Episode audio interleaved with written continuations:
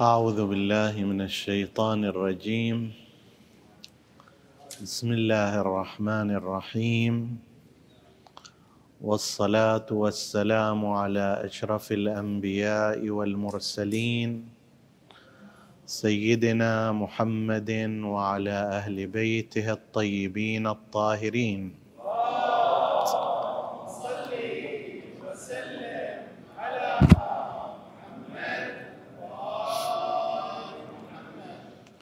السلام عليكم أيها الإخوة المؤمنون أيتها الأخوات المؤمنات ورحمة الله وبركاته. في وصية الإمام أبي الحسن موسى بن جعفر الكاظم عليه السلام لهشام بن الحكم قال يا هشام لكل شيء دليل ودليل العاقل التفكر ودليل التفكر الصمت ولكل شيء مطية ومطية العقل التواضع. وكفى بك جهلا أن تركب ما نهيت عنه. لا نزال في بيان بعض الجهات التي تحتوي عليها هذه الوصية القيمة. بعد أن ذكر الإمام عليه السلام ما يرتبط بالعقل من آيات القرآن الكريم وما يتصل به من آثار. أعطانا طريقة ودليلا للعقل والعاقل حتى نستطيع تطبيق ذلك. يا هشام لكل شيء دليل. الدليل واضح هو الذي يهتدى به. في الأصل هو الناس كانوا يذهبون في الصحراء ولم يكن في ذلك الوقت مثلا مثل هذه الأجهزة الحديثة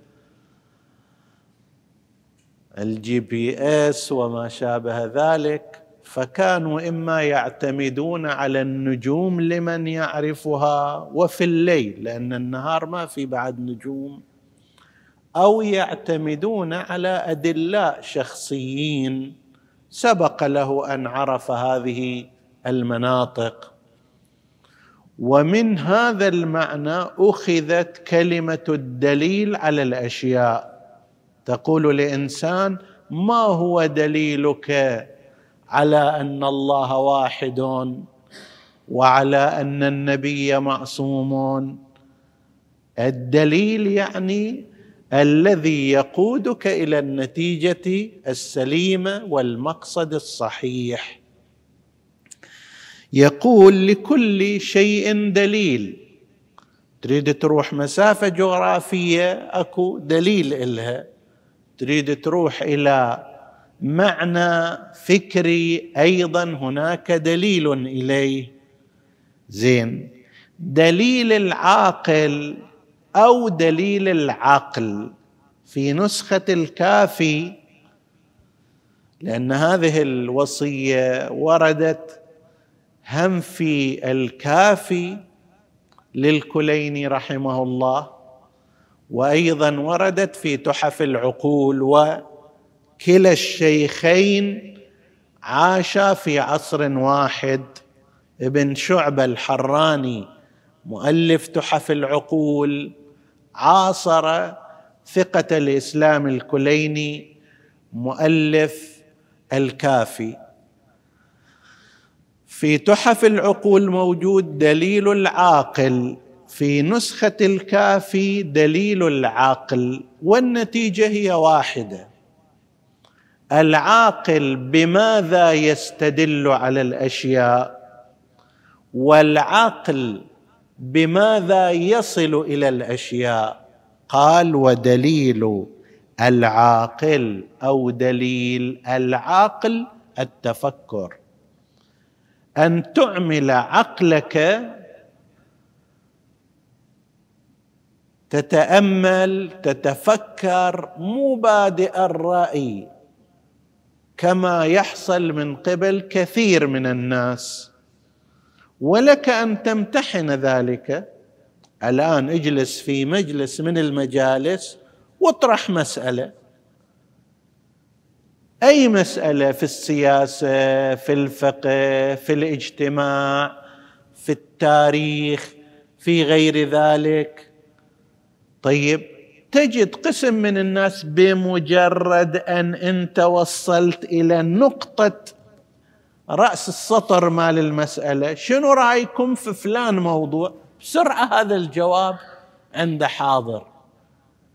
متى لحقت أنت دخل هذه المسألة إلى داخل ذهنك؟ تفكر فيها؟ تستطلع؟ تبحث؟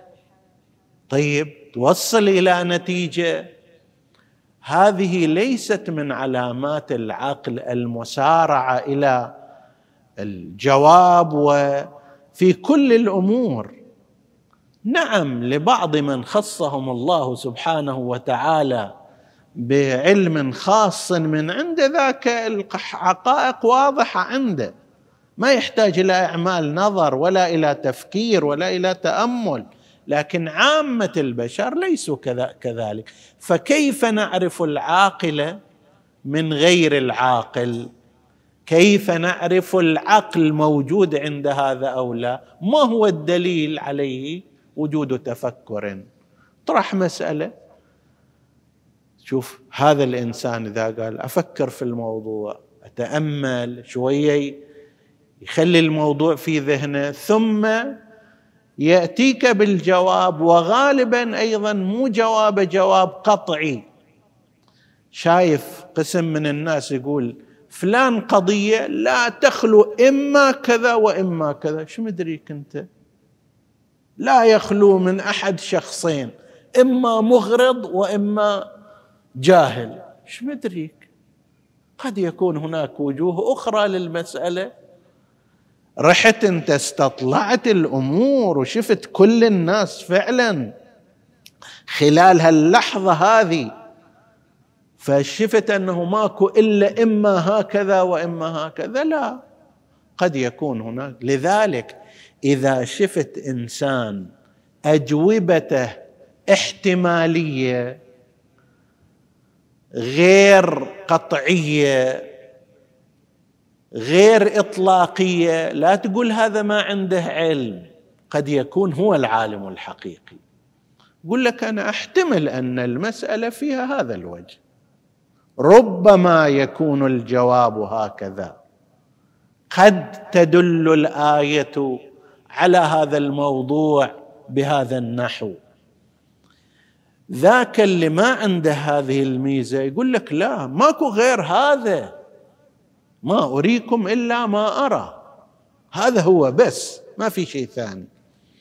فدليل العاقل هو التفكر. إذا شفت إنسان يكثر التفكر هذا الجا اليه شلون نعرف هذا قاعد يتفكر أو لا؟ عنده تفكر أو لا؟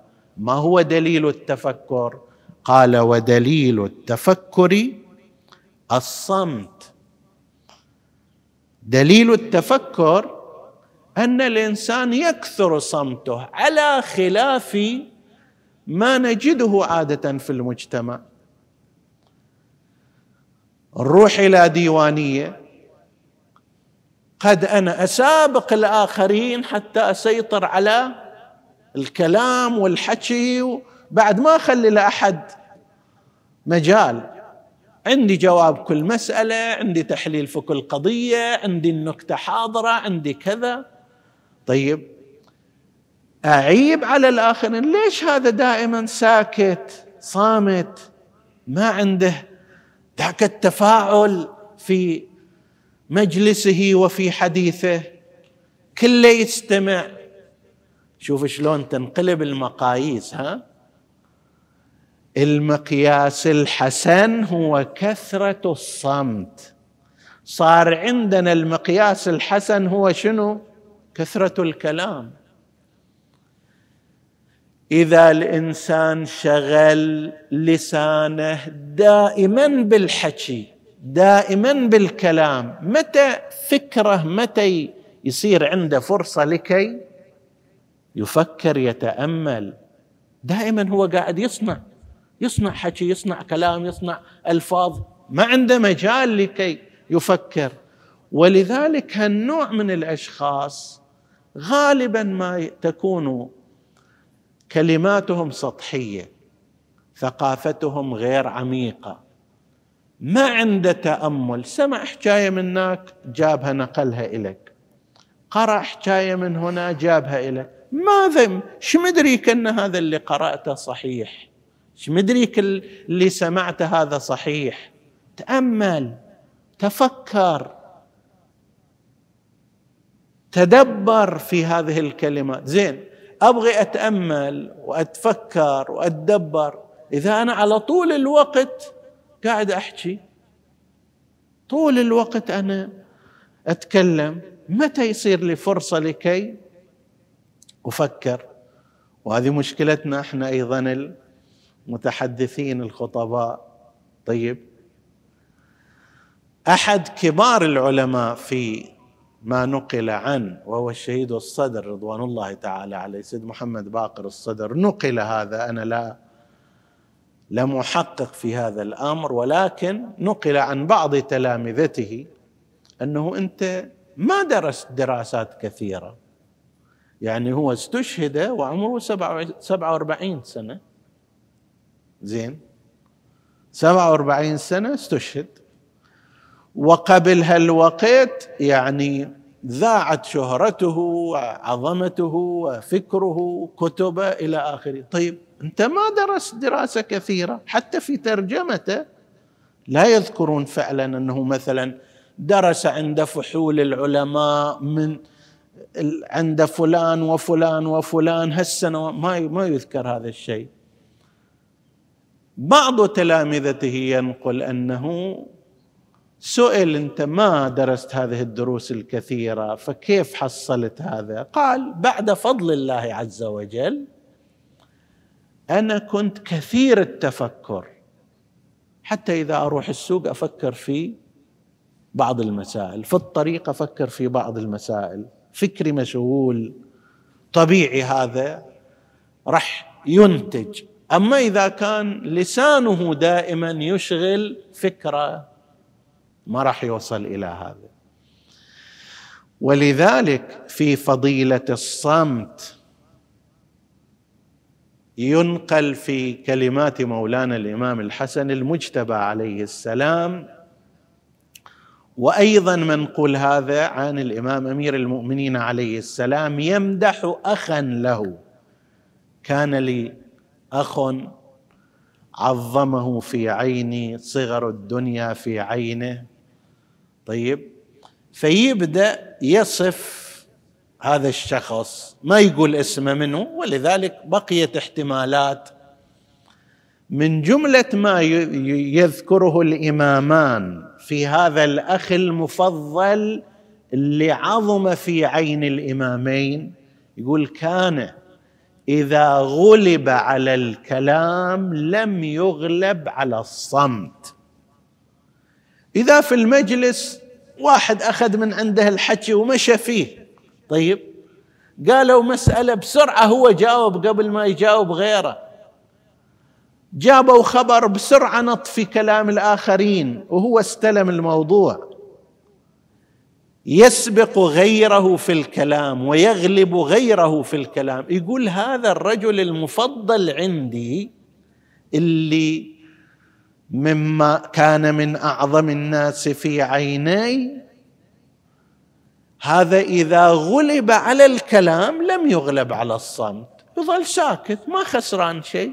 بالعكس هو إذا استمع يجمع عقول الآخرين لكن إذا هو تكلم الإنسان إذا هو تحدث لا يزداد شيئا إنما يزداد بالاستماع وبالصمت وبالتفكر. التفكر هو صناعة الفكرة. شلون أنت مثلا في مخبز تصنع خبز بناء تصنع بناء فكر يحتاج له إلى صناعة بالتفكر بالتأمل بربط الأشياء. وهذه كل ما إنسان يزيد كلامه تقل قدرته على التفكر. ودليل العقل التفكر أو العاقل التفكر ودليل التفكر الصمت. لذلك عندنا في الروايات كثير إذا رأيتم الرجل صموتا فادنوا منه فإنه يلقى الحكمة. قلت تماما الصورة عكس ما هو في المجتمع. الناس إذا شافوا واحد عنده صامت يقولون هذا بغمي. لا معقد ما يعرف يتكلم ما يتفاعل في المجلس ما عنده سوالف. قد يكون الشخص لا يتكلم لعي وعجز عنده. قد يكون. ولكن لو خير الإنسان العاقل بين أن يكون كثير الكلام أو أن يكون كثير الصمت ينبغي أن يكون كثير الصمت لصناعة الفكرة. نعم في موارد كثيرة هناك الكلام خير من السكوت. والسكوت هم غير الصمت. ها؟ هذا يحتاج إلى بحث خاص. نتحدثنا في كتاب الأمراض الأخلاقية عن أضرار السكوت وفضيلة الكلام. بس هذا لا يرتبط بموضوعنا هنا.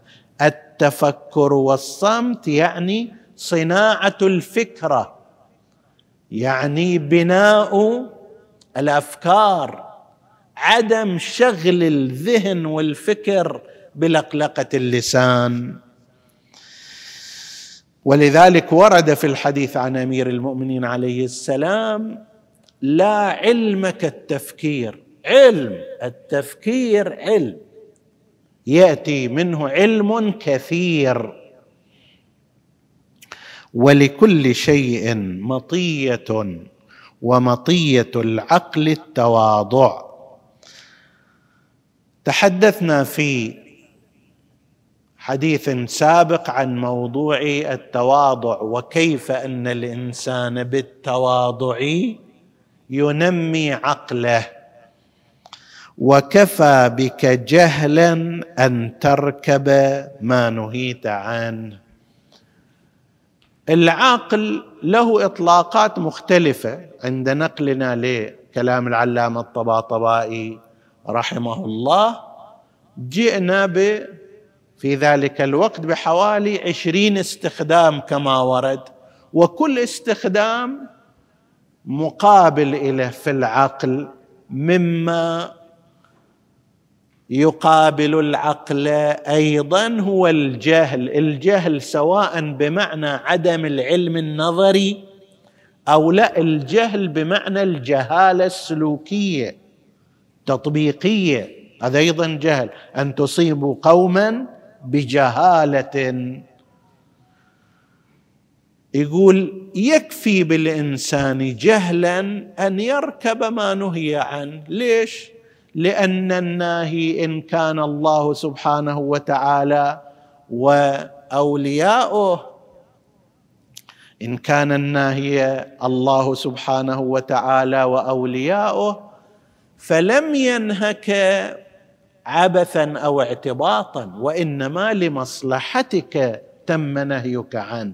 فأنت إذا تركب ذلك الشيء المنهي عنه تقتحمه هذه جهالة ما بعدها جهالة.